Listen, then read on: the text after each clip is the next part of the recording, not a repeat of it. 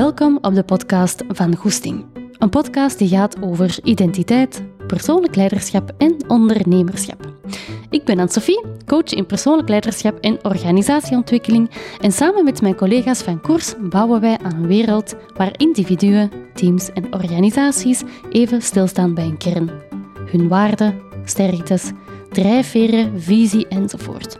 Zodat ze vanuit deze fundamenten kunnen groeien op lange termijn. Met veel goesting. Gelukkig zijn. Geluk als doel. Zoeken naar geluk. Actief werken aan uw eigen geluksgevoel. Het is tegenwoordig een heel populair thema, want geluk is maakbaar. Je hebt het in eigen handen. Maar is dat wel zo? Is geluk maakbaar? En wat is de impact van dit gedachtegoed? Voordat we effectief van start gaan, geef ik nog even mee dat deze aflevering verder bouwt op de aflevering 30 over de drie niveaus van geluk. En ik start vandaag met een vraag waar je even over kunt nadenken. Wat is geluk voor u? Wanneer zijt je nu echt gelukkig?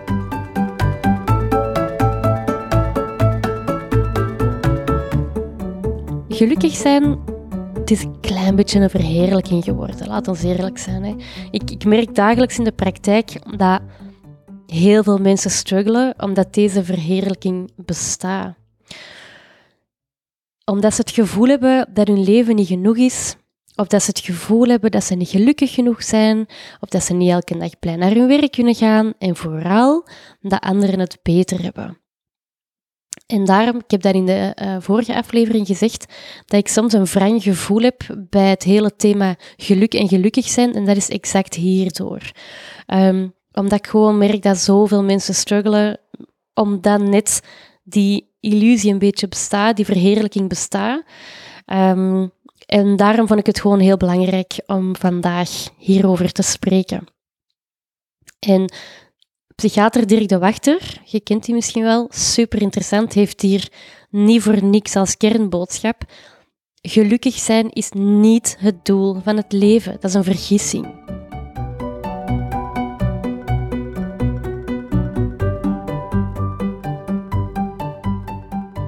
En daar gaat het over. De illusie van het geluk. ik ga het niet per se hebben vandaag over gelukkig zijn, maar over de hoge lat en de hoge verwachtingen die hangen aan dat labeltje gelukkig zijn. Mijn doel voor vandaag is dat jij hopelijk meer rust vindt in hoe dat je leven op vandaag is. Ja? Ik moet zeggen, deze aflevering um, is er echt wel best eentje waar ik heel veel tijd in heb gestoken. Net omdat ik weet dat veel mensen geluk als het hoge goed zien. En dus deze aflevering um, zal er daarom ook wel voor zorgen dat er misschien bij u wel wat weerstand komt of dat ik u ga triggeren. En als dat ook zo is, dan vertelt die weerstand u iets. Weerstand vertelt u altijd iets. Ja? Als altijd zo is, ziet dat dan als een uitnodiging om daar dan weer verder naar te kijken. De tweede reden waarom dat ik hier heel veel tijd in heb gestoken, is omdat eens dat ik mij eens dat ik hier aan begonnen was, kwamen er gewoon duizenden... Nee, is niet waar. Geen duizend. kwamen er gewoon tientallen thema's naar boven die dat ik hiermee kon linken. En eigenlijk had ik al een klein beetje spijt um, dat ik mij hierin had gestoken, um, omdat dit zo een gelaagd thema is, dat, waar dat je heel, heel, heel ver in kunt gaan. En eigenlijk is elke sessie in mijn coachings, elk thema dat we hier aanboren, is hier eigenlijk een stuk mee gelinkt. Hè. Dus ik heb er een beetje voor gekozen om het te gaan downsizen. En in plaats van heel veel dingen een beetje aan te raken, heb ik er vandaag voor gekozen om drie grote thema's aan te boren, die daar ook het meeste voorkomen in mijn praktijk hier. Um, en dat zijn eigenlijk drie grote triggers die het geluksgevoel impacteren. Weet dus dat deze maar een stuk is van het hele thema, want er zijn zoveel meer dingen die impact hebben op iemands gelukgevoel, zeg maar. Maar ik heb dus drie grote thema's gekozen die bij ons het meeste voorkomen. Goed? De eerste is vergelijken. Ken je dat vervelend gevoel dat als je naar andere mensen kijkt, dat die precies alles voor elkaar hebben, dat bij hen alles vlot verloopt? En een voorbeeld is, je ziet zo lachende ouders met lachende kinderen, terwijl dat jij net keihard gestruggeld hebt met het driftbuien van je kind. Of dat je kind de laatste weken niet meer wilt eten. Of misschien werd je gisteravond wel veel te laat om je kind van school op te halen. Of een tweede voorbeeld, je ziet heel leuke vakantiefoto's van anderen, terwijl dat jij zelf geen geld hebt deze jaar om op vakantie te gaan. Of je ziet op sociale media of televisie, in films, series, mensen die aan het sporten zijn, smoothies maken, slaatjes eten, terwijl dat jij al weken geen fut hebt om te bewegen of gezond te koken. En dat zijn allemaal voorbeelden waar dat je precies als de minderen uitkomt. En je geluksgevoel gaat daarvan dalen. Hier is eigenlijk al een eerste mooi voorbeeld van de illusie van geluk, want je kijkt niet naar het geheel. Je kijkt maar naar een stukje van wat iemand toont of van wat je ziet. Dus dat vergelijken is eigenlijk van het begin al een oneerlijk proces voor jezelf. Want je vergelijkt bijvoorbeeld enkel uw job met de job van iemand anders, maar je kijkt dan misschien niet naar die persoon zijn relaties, zijn relatie met zijn job, zijn gezondheid, zijn achtergrond enzovoort. En vooral, je kijkt misschien niet naar wat die persoon er allemaal al voor heeft gedaan. En vooral mensen in een expertenrol ervaren deze. Vaak zeggen mensen aan hen, wow, jij kunt dat zo goed, en kijken daar dan naar op. Maar die mensen zijn niet in dat talent geboren. Hè. Die hebben er wel voor gekozen om iets volledig te gaan verfijnen. Maar die hebben er vooral heel veel uren werk in gestoken. En ze hebben er heel wat opofferingen voor moeten doen. En als je er naar kijkt, dan lijkt dat alsof dat het hen gemakkelijk afgaat. Maar je hebt niet gezien wat ze er allemaal hebben ingestoken om op dat niveau te geraken. Dat is een beetje het welbekende ijsbergmodel. Je ziet maar 10% van iemand. Je ziet niet de 90%. Je ziet niet wat er achter de gesloten deuren gebeurt. Of wat er, in iemand, wat er bij iemand binnenin gebeurt. Um, vroeger zeiden ze wel eens dat je 10.000 uur in iets moet steken als je ergens meester in wilt zijn. En dat is grafweg tien jaar lang, elke dag, drie uur met een bepaalde taak bezig zijn. Ja, dat is dus kei veel. En nu, moet wel zeggen, dat model heeft intussen ook wel wat kritiek gekregen, omdat dat veel te kort door de bocht is. Dat is ook al een iets ouder, um, iets oudere uitspraak. Maar dat komt omdat natuurlijk naast heel veel oefening en herhaling is het ook wel belangrijk om gerichte feedback te krijgen, daarmee te kunnen omgaan en daar iets mee te doen. Om gecoacht te worden, om te leren omgaan met kritiek en zo. Dus het gaat niet over enkel en alleen 10.000 uur altijd hetzelfde doen en herhalen. Daar ga je geen meester van worden. Maar wel als je met feedback iets doet, als je met kritiek iets doet, als je je laat coachen enzovoort. Goed? Nu, dit toont u wel aan dat zomaar vergelijken, zonder er kritisch mee om te gaan, u niet heel veel verder gaat helpen. Maar er zit wel een opportuniteit in vergelijken. Want als je vergelijkt met iemand, dan wil dat ook wel zeggen dat je persoon iets in zich heeft of iets doet dat u misschien wel triggert. Ziet dat dan als een signaal dat je hier zelf ook uit kunt leren. Want op die manier ga je naar anderen kijken, niet vanuit een oordeel, of een gevoel van ik ben minder, maar vanuit nieuwsgierigheid. Stel dus vragen. Vraag hoe iemand iets doet. Vraag waarom iemand iets doet. Vraag hoe iemand zich voelt. Vraag wat iemand zelf geleerd heeft. Enzovoort. En op die manier ga je veel minder gaan vergelijken met je eigen leven of met je als persoon, maar gaat je anderen als inspiratiebron gebruiken om zelf te kunnen groeien.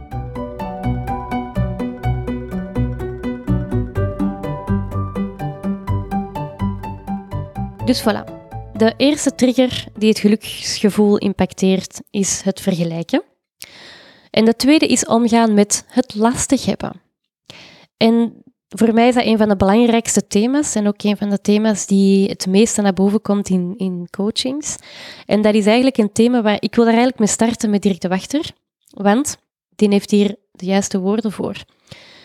Volgens hem is de obsessie met het geluk er vooral in het Westen En in zijn ogen is dat de reden waarom dat zoveel mensen het moeilijk hebben, omdat wij de lastigheden van het leven, zoals hij zegt, niet meer zo goed kunnen plaatsen. Enerzijds heeft dat te maken omdat we in de waan zitten dat alles leuk moet zijn. Hij noemt dit zelf de leukigheidscultuur. Hm, die heeft zo van die zalige concepten waar hij die dingen benoemt, de leukigheidscultuur, waarin dat iedereen als norm heeft succesvol zijn, jong, slim, mooi, onvermoeibaar. En als je dat dan niet zei, durft je daar niet altijd voor uitkomen. Maar dit ontkennen zorgt er net voor dat mensen in de problemen geraken en ook hier weer zich als minder voelen. En ook dat heeft weer impact op dat geluksniveau. De illusie van het geluk zit hem er dus in dat die leukigheidscultuur, zo gezegd, er is. Hè? Dat die normen er zijn, dat die, dat die lat zo hoog ligt voor wie dat we denken dat we moeten zijn. En dat dat ervoor zorgt dat je gelukkig wordt. Ja, dat is dus niet de realiteit.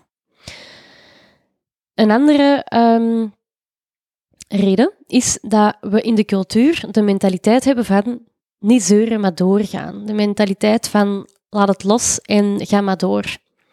En in, ons, in het bewuste deel van ons is onze generatie daar best wel nu veel meer mee bezig. Dat ziet je heel hard in ehm, de grote opmars van uh, milde opvoeding bijvoorbeeld, of ook de grote opmars van yoga en meditatie en zelfcompassie en mildheid en al die zaken.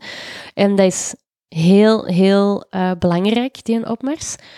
Um, alleen zie ik dat in het onbewuste stuk van ons, dat het gewoon doorgaan, dat dat echt nog wel enorm aanwezig is. En op zich is dat ook heel normaal, omdat dat natuurlijk heel veel tijd nodig heeft, omdat dit ook een thema is dat natuurlijk ook weer heel gelaagd is. Dat heeft ook heel vaak te maken met um, intergenerationele uh, evoluties, uh, hechting enzovoort. Dus daar ga ik nu niet op ingaan, maar ook hier weer um, heeft het heel vaak te maken met die mentaliteit van, weet je, gewoon doorgaan, niet te veel bij nadenken, laat het los.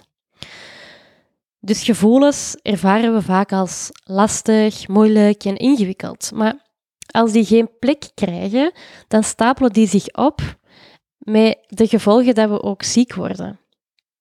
Fysiek of emotioneel. Hè? En de kernboodschap hier is dat gelukkig zijn niet per se betekent altijd positieve gevoelens, zoals vreugde ervaren. Ja? Maar in de vorige aflevering heb je gehoord dat dit eigenlijk het eerste niveau is. Maar dus dat eerste niveau, weet je nog, dat ging over de um, primaire, de, de, primaire, wat zeg ik nu, de positieve emoties bij iets ervaren. Maar gelukkig zijn gaat hier niet over. Um, maar dit is wel vaak de perceptie van gelukkig zijn, wat mensen denken dat gelukkig zijn betekent.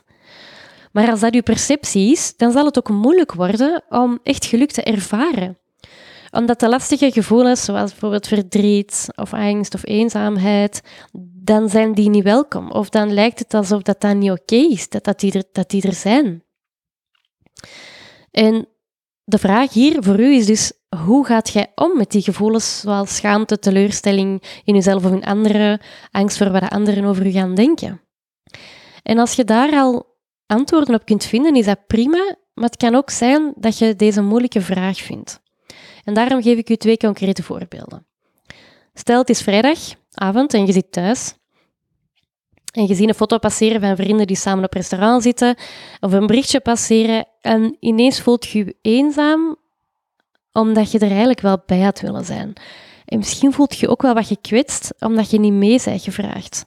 Wat doet je dan? Of een tweede voorbeeld, je komt thuis na een lange werkdag en je hebt eigenlijk stress en je bent moe. Hoe gaat je ermee om?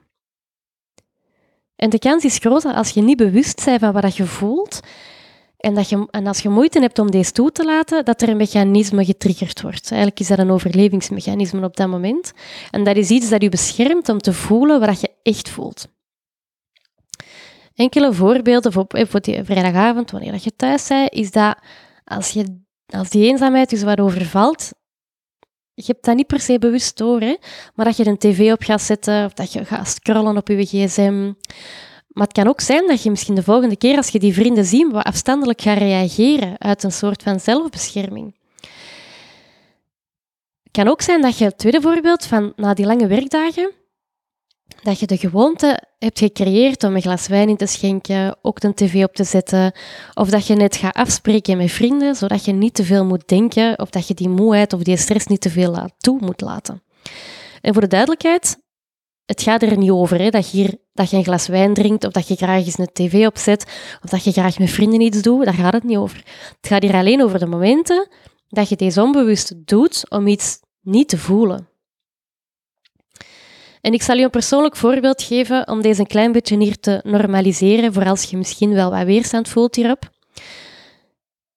Ik heb de laatste weken heel veel stress ervaren door een gigantisch slaaptekort. Want onze jongste, Stella, die slaapt al anderhalf jaar, maar echt heel slecht. Is echt vaak een uur à twee uur per nacht gewoon wakker. En is dan ook nog eens om half zes wakker.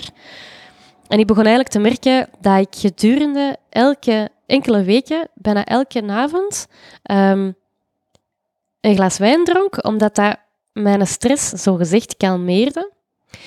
En toen dat ik dat door had, dat ik eraan toe was, was ik daarmee gestopt. Maar dat merkte ik, en dat is wel interessant, dat ik die week eigenlijk s'avonds al heel vaak de tv opzette, terwijl ik eigenlijk daarvoor amper tv keek. Maar tv was voor mij op dat moment, ook onbewust, was eigenlijk een soort van verdoving, omdat ik zo moe was, dat ik eigenlijk gewoon wou dat een dag zo snel mogelijk voorbij was. En na vier dagen had ik ook deze door. En dat is interessant, want het was erin geslopen zonder dat ik dat door had. Dus het is eigenlijk ook iets je hoeft daar niet over te oordelen. Het gaat hier niet over goed of fout. Het gaat erover dat je je daar wel bewust van kunt zijn. Want dat lijkt heel onschuldig. En weet je, op zich is dat ook. Hè. Als je een avond of twee onbewust tv kijkt, is dat natuurlijk heel onschuldig. Daar gaat het ook niet over. Maar als dat langer duurt, dan vertelt u dat wel iets. En dan was het ook aan mij om te gaan checken bij mijn eigen van... Wow, oké, ik voel me hier precies niet helemaal oké. Ik heb precies wel wat stress. Wat, wat ben ik hier eigenlijk aan het vermijden? En wat zou mij beter helpen om te leren omgaan met die stress? En op die manier kan ik gaan zoeken naar dingen die mij verder helpen op een effectieve manier, zodat ik mijn stress in balans kan houden en terug van mijn avonden iets kan doen waar ik van geniet. En dat is eigenlijk een heel mooi voorbeeld waar er duidelijk signalen naar boven komen die u iets te vertellen hebben. En die gevoelens van uh, stress bijvoorbeeld, of van alleen zijn, of andere dingen, die hebben een functie. Zoals dat ook uw maag, uw lever en uw nieren een functie hebben. Alleen heb jij misschien niet geleerd hoe dat je die signalen van je lijf kunt toelaten. Of misschien zit je in een fase van automatische piloot, waardoor dat je die signalen zelfs niet meer kunt oppikken. En ik vind het super belangrijk dat je hier niet gaat oordelen naar jezelf toe. Want ik had bij de voorbereiding hiervan ook ergens een stemmetje, dat zo wat oordeel, een oordelend stemmetje, zo wat, dat zei van alleen dat jij in die val trapt van jezelf, um, terwijl dat je eigenlijk heel goed weet dat dat dat eigenlijk op dat moment is dat je stress hebt en dat je moe bent en dat je slaaptekort hebt. Dus ik was eigenlijk ook naar mijn eigen toe even aan het oordelen. Maar weet je, veel van wat we doen is onbewust en het is ook niet erg dat dat gebeurt.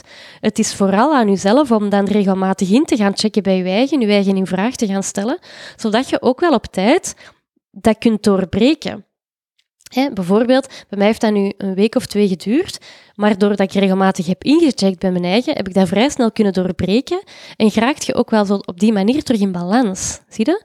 Dus probeer ook dit met nieuwsgierigheid te gaan benaderen. Oké. Dit ging eigenlijk over het lastig hebben en het toelaten van die lastige gevoelens en weten dat die u een signaal geven, waar je dus iets mee kunt doen. Goed. We hebben het nu gehad over vergelijken. We hebben het gehad over het lastig hebben. En het laatste stuk gaat over het um, thema individualisme versus samenhorigheid. En mensen zijn van nature uit sociale wezens. Wat maakt dat connectie een basisbehoefte is van elke mens. Van u, van mij en van iedereen om ons heen. En in coaching werken wij altijd een stuk rond waarde. En weten welke waarde dat bijna bij iedereen naar boven komt? Je kunt misschien al wel raden, hè? maar dat is verbinding, gelijkwaardigheid, betrokkenheid, hulpvaardigheid en zo. En dat zijn allemaal waarden die gaan over connectie, over het samen zijn doen en delen. En vandaag gaat het over enkele facetten van die connectie, want ook hier weer is een zeer ruim begrip waar we heel ver in kunnen gaan. Maar ik ga u een paar meegeven. Het eerste gaat over hulp vragen of het alleen willen doen. Ja? Belangrijk is, mensen geven graag hulp. Ja? Dus als je hulp vraagt, dan gaat je daar niemand mee lastigvallen. Je gaat daar ook niet te veel ruimte mee innemen als je hulp vraagt of als je vragen stelt. Maar heel vaak denken we dat we het alleen moeten kunnen. Of denken we dat als wij het alleen doen, dat we het beter kunnen doen, dat het sneller gaat, dat het efficiënter is. Maar dan zijn het wel alleen aan het doen. En ga ook voor jezelf eens kijken, hoe is deze voor u in uw werk? In welke mate denkt je dat je alles zelf moet doen? En hoeveel tijd verliest je misschien ook wel door dingen zelf uit te zoeken, omdat je het niet wilt vragen aan uw collega? Hoeveel tijd verliest je misschien door dingen zelf te doen, omdat je misschien niet tot last wilt zijn door uw collega? En als je kinderen hebt, ga ook eens kijken, hoe is deze in je opvoeding? Doet je alles alleen of vraagt je wel regelmatig hulp? Weet nog bij ons, bij uh, ons eerste, bij Manon, ik zat toen nog heel hard in de dingen van, ik heb hiervoor gekozen, ik moet dat alleen kunnen. Maar wat een absurde denk, denkpatroon was dat eigenlijk? Want ik was eigenlijk zo vermoeid omdat ik al mijn ballen alleen in de lucht probeerde te houden. En eigenlijk lukte mij dat niet en dat zorgde ervoor dat ik mij eigenlijk ook vaak tekort voelde. En um, dan is het boek Jagen, Verzamelen, Opvoeden op mijn pad gekomen. Dat heeft heel mijn beeld over opvoeding veranderd. En dat heeft ervoor gezorgd dat ik nu veel meer um, ga kijken naar hoe kan ik um, mij laten helpen? Hoe kan ik hulp vragen? Hoe kan ik ook met Dominique beter de dingen gaan afstemmen? Hè? Hoe kan ik mijn werk veel beter gaan afstemmen? En op die, deze heeft zoveel gedaan, dus ik zou dat boek echt aanraden als je deze herkent. Goed. Een tweede stuk dat te maken heeft met connectie gaat over openheid in je relaties. Want connectie gaat ook over delen van moeilijkheden. En ik hoor heel vaak in de praktijk dat mensen zeggen: Ik wil niemand tot last zijn, dat is toch mijn zorg, de andere heeft toch niks aan mijn problemen. Maar dan zet je toch ook maar alles alleen aan het verteren. Want als jij niks kunt delen, dan kun je toch ook niet helen. Dus voor mij zit echt verbinding in kwetsbaarheid, in kunnen delen met vriendinnen hoe dat het echt gaat. En niet alleen met vrienden en familie, maar ook op het werk. En dat heeft voor mij niks te maken met alles delen. En de kracht van kwetsbaarheid op het werk gaat over kunnen benoemen wat jij nodig hebt, of wat er speelt. En je kunt prima zeggen, er speelt op vandaag iets in mijn leven en ik wil dat jullie dat weten, omdat ik er een aantal dagen bijvoorbeeld niet zal zijn. Of, ik heb echt een hele slechte nacht gehad vandaag en ik heb even nood om alleen te werken. Of, ander voorbeeld, ik moet volgende week een presentatie geven, maar ik ben nog wat nieuw in deze thema, wilde jij deze even checken? Dat zijn eigenlijk drie voorbeelden waarin dat je kwetsbaar bent. En die drie voorbeelden geven u misschien een nieuw perspectief op kwetsbaarheid. Omdat heel vaak wordt kwetsbaarheid nog gezien als um, een zwakte of uh, wenen. Dat is zo het grote cliché dat ik vaak hoor. Uh, ja, maar ja, ik ga toch op mijn werk niet zitten wenen. Of uh, dan vaak is dan in die zin het woord blijten. Dat zegt dan eigenlijk ook al heel veel hè? over hoe dat zo over kwetsbaarheid denken. Um, het gaat er ook niet over dat je heel je privéleven naar je werk moet meepakken. Hè? Um, Brené Brown heeft daar heel veel rond gewerkt en zegt ook dat vaak zelfs dat als mensen heel hun privé ook meepakken naar het werk, omdat ze dan denken dat dat kwetsbaarheid is, dat ze net daarom helemaal niet authentiek overkomen, maar dat er ook heel veel mensen zijn die heel kwetsbaar zijn op het werk, daar ook de kracht van inzien en het vertrouwen doorkrijgen van andere mensen, um, maar die eigenlijk heel weinig van zichzelf echt gaan prijsgeven van hun privéleven. Dus ik vond dat wel een heel interessante om ook mee te geven, omdat je kwetsbaarheid echt wel ruimer mocht zien. Um, en op die manier zie je ook wel dat kwetsbaarheid rechtstreeks gelinkt is aan vertrouwen.